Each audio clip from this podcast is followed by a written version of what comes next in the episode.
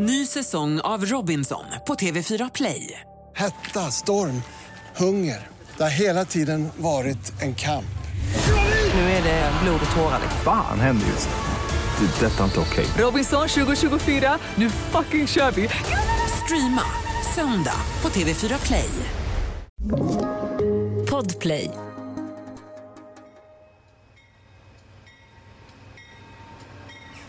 Det är den 25 juni 1941, mitt i den grönskande sommaren. Ett tåg bromsar in på järnvägsstationen i Charlottenberg i Värmland, sex kilometer från den norska gränsen. Det är ingen märkvärdig syn egentligen. Det gnisslar, skramlar och pyser precis som tåg brukar göra. Men det här tåget, som nu rullar in från Norge, är annorlunda. Genom vagnarnas fönster syns uniformerade män. Många uniformerade män. Det här är nämligen ett av de 106 tåg som de närmsta veckorna ska transportera krigsmateriel, fordon, hästar och inte minst 14 712 beväpnade tyska soldater genom Sverige. Soldaterna som tillhör den så kallade Engelbrechtdivisionen ska ta sig från det ockuperade Norge hela vägen till Finland där de ska strida mot Sovjetunionen. Och det svenska järnvägsnätet gör transporterna möjliga. Men hur kommer det sig att Sverige, som har förklarat sig neutralt under det pågående kriget tillåter en beväpnad armé från främmande makt att transporteras på svenska järnvägar? En främmande makt som dessutom invaderat och ockuperat våra grannländer, stora delar av Europa och som till synes är långt ifrån klar med sina erövringar.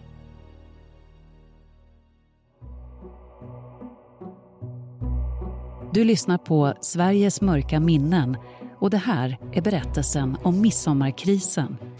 Fyra dagar där Sveriges regering sätts under stor press och som orsakar vånda hos landets ledare. Dagar som präglas av en politisk balansgång där ett snedsteg i form av ett felaktigt beslut riskerar att få katastrofala följder.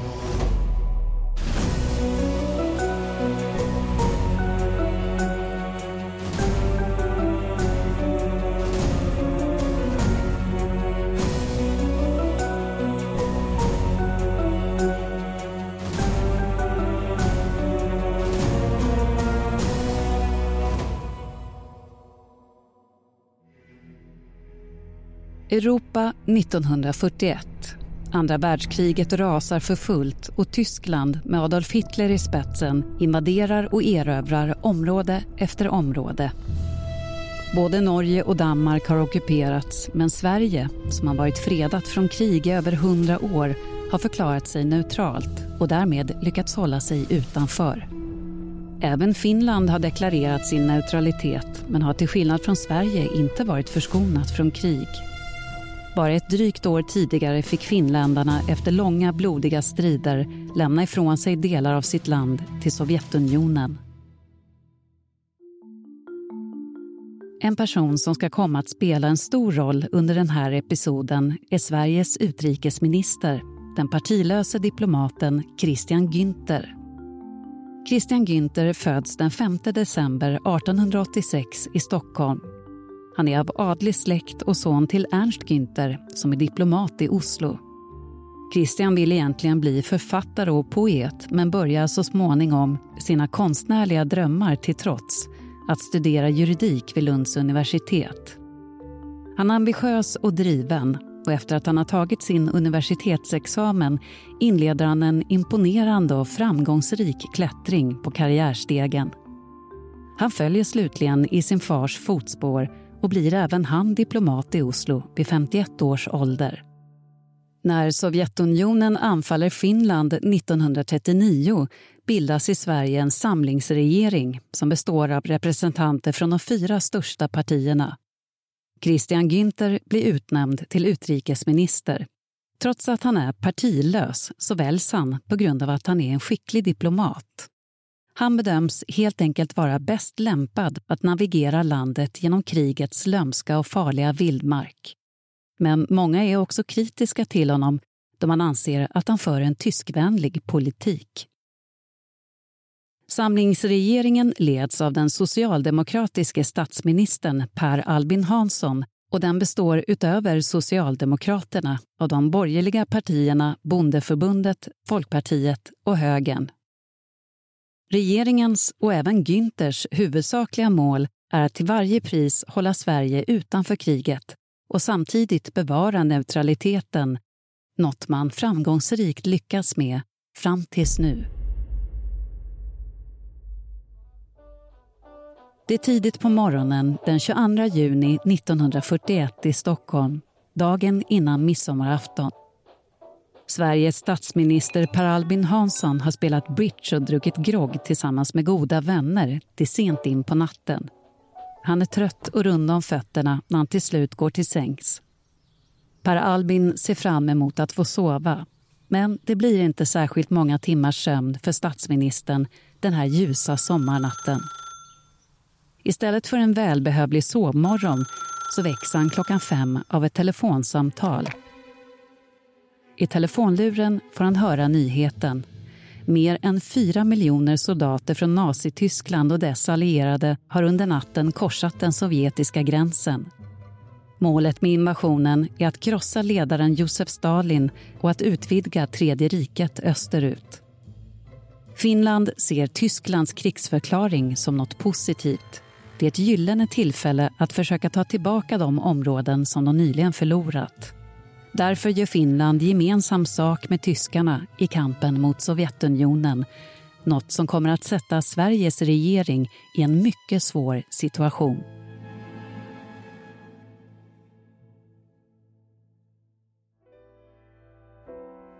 Den här morgonen, den 22 juni 1941 samtidigt som kanoner mullrar, stridsvagnar rullar och flygbomber faller i öst så befinner sig en 43-årig tysk man på ståtliga Grand Hotel i Saltsjöbaden. Den stilla och fin morgon. Vikens djupblå vatten glittrar i morgonljuset utanför hotellets stora fönster medan mannen sitter och läppjar på en kopp kaffe. Han är förväntansfull och lite nervös över dagens viktiga åtagande men känner sig på samma gång självsäker och lugn. Mannen heter Karl Schnurre och är Tysklands diplomatiska sändebud. Inom kort ska han stämma träff med Sveriges utrikesminister Christian Günther. För Günther och utrikesdepartementet ska Schnurre presentera en lista med krav från den tyska regeringen. Schnurre, som agerar direkt under självaste Adolf Hitler, känner sig trygg med att få igenom de tyska kraven. Under sina tidigare möten med Günther tycker han sig nämligen ha uppfattat signaler som tytt på att Sverige kommer att vara medgörliga om, eller snarare när, kriget kommer. Utrikesministern har inte varit svår att ha att göra med, tycker Snorre. Snarare tvärtom. Men uppgiften ska inte visa sig bli den promenadseger han har räknat med.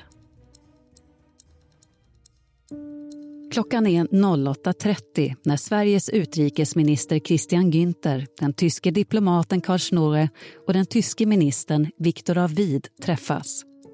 Stämningen på mötet är spänd och det finns en hotfullhet i luften. Tyskarna överlämnar en kravlista på åtta punkter.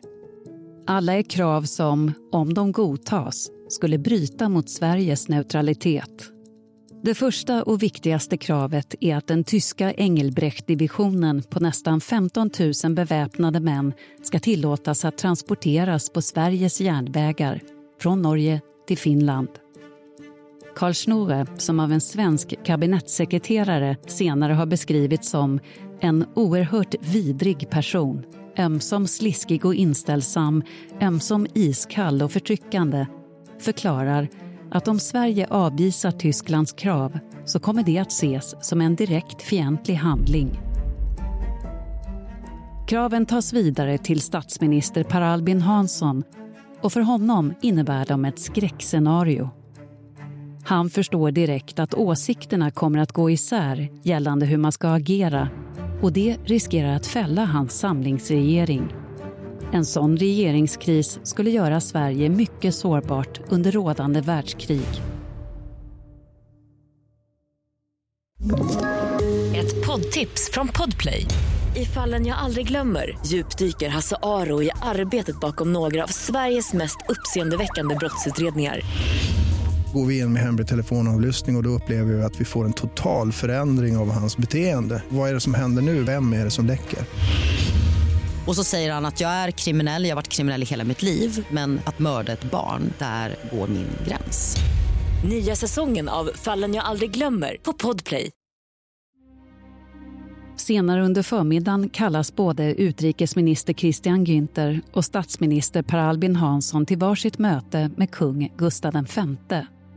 Monarken, som även han ser det som sin uppgift att förhindra att Sverige dras in i kriget, är tydlig med sin åsikt. Tyskland ska få igenom sina krav. Hur kungens exakta ord lyder den här förmiddagen på Stockholms slott förblir höljt i dunkel. Men efter deras möte verkar statsministern se en möjlighet att kunna använda kungens inflytande som ett S i rockärmen om motstridigheterna inom regeringen skulle visa sig bli stora. Det är midsommar och många har hunnit resa bort för att dricka snaps, äta sill och dansa kring majstången. Därför är det bara sju av 15 regeringsmedlemmar som runt lunchtid kan träffas för överläggning. Inga beslut kan därför fattas och det stressar utrikesminister Christian Günther. Klockan tickar och striderna fortsätter att rasa våldsamt och brutalt i öst. Günther förstår att den tyske diplomaten Karl Schnorre och hans överordnade inte kommer att vänta hur länge som helst på regeringens besked. Tyskarna har en plan och den ska fullföljas. Från Finland kommer det också påtryckningar. Utrikesminister Günther blir informerad om att den finländska regeringen är väldigt angelägna om att Engelbrecht-divisionen ska få transiteras genom Sverige. Finland behöver tyskarnas hjälp att ta tillbaka sina landområden från Sovjetunionen. Sveriges regering befinner sig nu i ett mycket svårt läge och snart ska krisen bli värre. Dagen efter, på midsommarafton den 23 juni håller regeringen ett stort sammanträde. Sprickan blir då smärtsamt tydlig. De borgerliga partierna, utrikesminister Christian Günther och även kung Gustav V vill böja sig för de tyska kraven. De anser att Sverige inte kan riskera att stöta sig med Tyskland och bli en fiende. Men Socialdemokraterna är emot. För dem är ett nej det enda acceptabla svaret. Säger man ja bryter det mot neutraliteten och Sverige försätts i en situation där man kommer att behöva fortsätta att dansa efter Tysklands pipa. Statsminister Per Albin Hansson vet själv varken ut eller in. Hans viktigaste uppgift är att hålla ihop regeringen och att hålla sitt land utanför krigets blodtörstiga käftar. Men han förstår att hans eget parti, Socialdemokraterna, inte vill ge efter. Läget är låst och ingen lösning är bra. Säger de nej får de Tyskland emot sig. Säger de ja är de inte längre neutrala.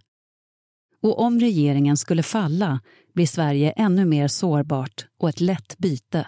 Det här måste lösas, och det snabbt. Medan statsministern våndas och funderar så hastar utrikesminister Günther iväg på ännu ett möte med Schnorre där han förklarar för den tyske diplomaten att de behöver mer tid. Det mottas inte väl. Schnorre mulnar. Han är otålig och blir väldigt förvånad över att svenskarna behöver betänketid. Det här hade han inte räknat med. Innan de skiljs åt igen påminner han utrikesminister Günther om hur Tyskland skulle betrakta ett svenskt nej. Günther försöker lugna den tyske diplomaten och utlovar ett slutgiltigt besked inom kort. Han får två dagar på sig. Det förtäckta hotet om krig mot Sverige hänger som ett tungt åskmoln över huvudet på Sveriges utrikesminister när han ger sig iväg från mötet. Statsminister Per Albin Hansson har nu börjat luta mer mot ett ja. Han ser ingen annan utväg. Men hur ska han övertyga sitt parti att ställa sig på ja-sidan? Dagen efter, på midsommardagen den 24 juni är det röstning inom den socialdemokratiska riksdagsgruppen. Resultatet blir 159 nej och bara två ja. Regeringen är lamslagen, precis som statsministern befarat. Men då tar han fram esset som han har dolt i sin rockarm, kung Gustav V. Statsministern berättar för sitt parti vad kungen ska ha sagt till honom hur han har hotat med att abdikera om regeringen skulle säga nej till Tysklands krav. Per Albin Hansson undrar om hans partikamrater verkligen är beredda att ta konsekvenserna om de säger nej. Och han märker till sin lättnad att taktiken fungerar. Det påstådda hotet från kungen får dem att tänka efter. En splittrad regering och en kung som avgår skulle göra en tysk invasion än mer sannolik. De röstar på nytt och den här gången går det med nöd och näppe vägen.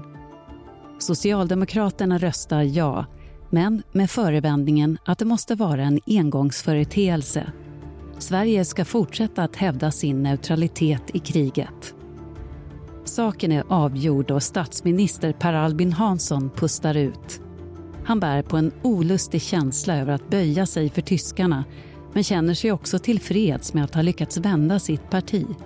När regeringen sammanträder samma kväll så meddelar statsministern att Socialdemokraterna viker sig. De tyska soldaterna får färdas på svensk järnväg som en engångseftergift. Det är den enda utvägen. Klockan är 15.30 den 25 juni tre omskakande dygn efter att tyskarna presenterat sina krav när beslutet vinner laga kraft. Utrikesminister Christian Günther och den tyske diplomaten Karl Schnorre träffas igen och regeringens beslut presenteras. Schnorre ler förnöjsamt när han försäkrar Günther om att de har fattat rätt beslut.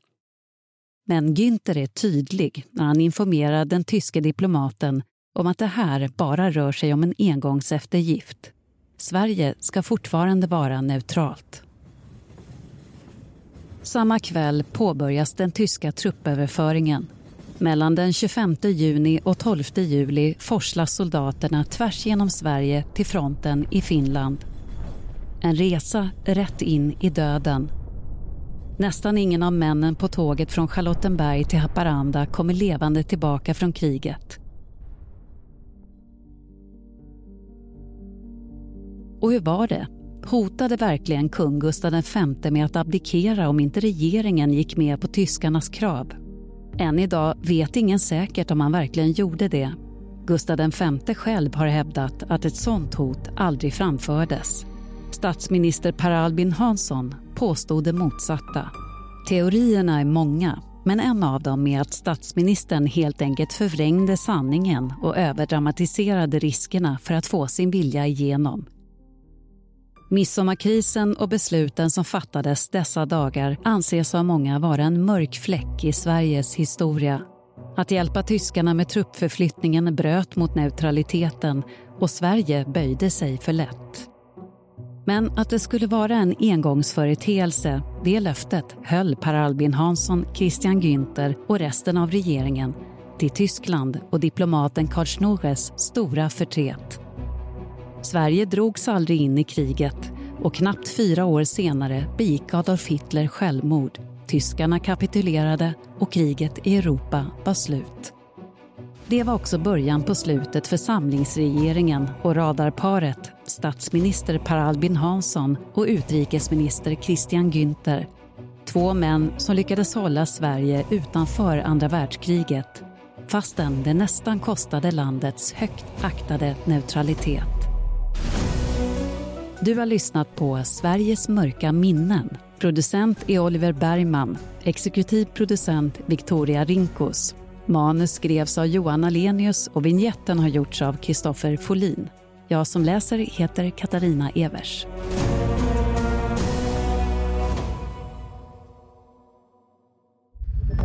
Podplay, en del av Power Media poddtips från Podplay. I podden Något Kaiko garanterar östgötarna Brutti och jag, Davva, dig en stor dos skratt. Där följer jag pladask för köttätandet igen. Man är lite som en jävla vampyr. Man har fått lite blodsmak och då måste man ha mer. Udda spaningar, fängslande anekdoter och en och annan arg rant. Jag måste ha mitt kaffe på morgonen för annars är jag ingen trevlig människa. Då är du ingen trevlig människa, punkt. Något Kaiko, hör du på Podplay. Därför är gardinerna.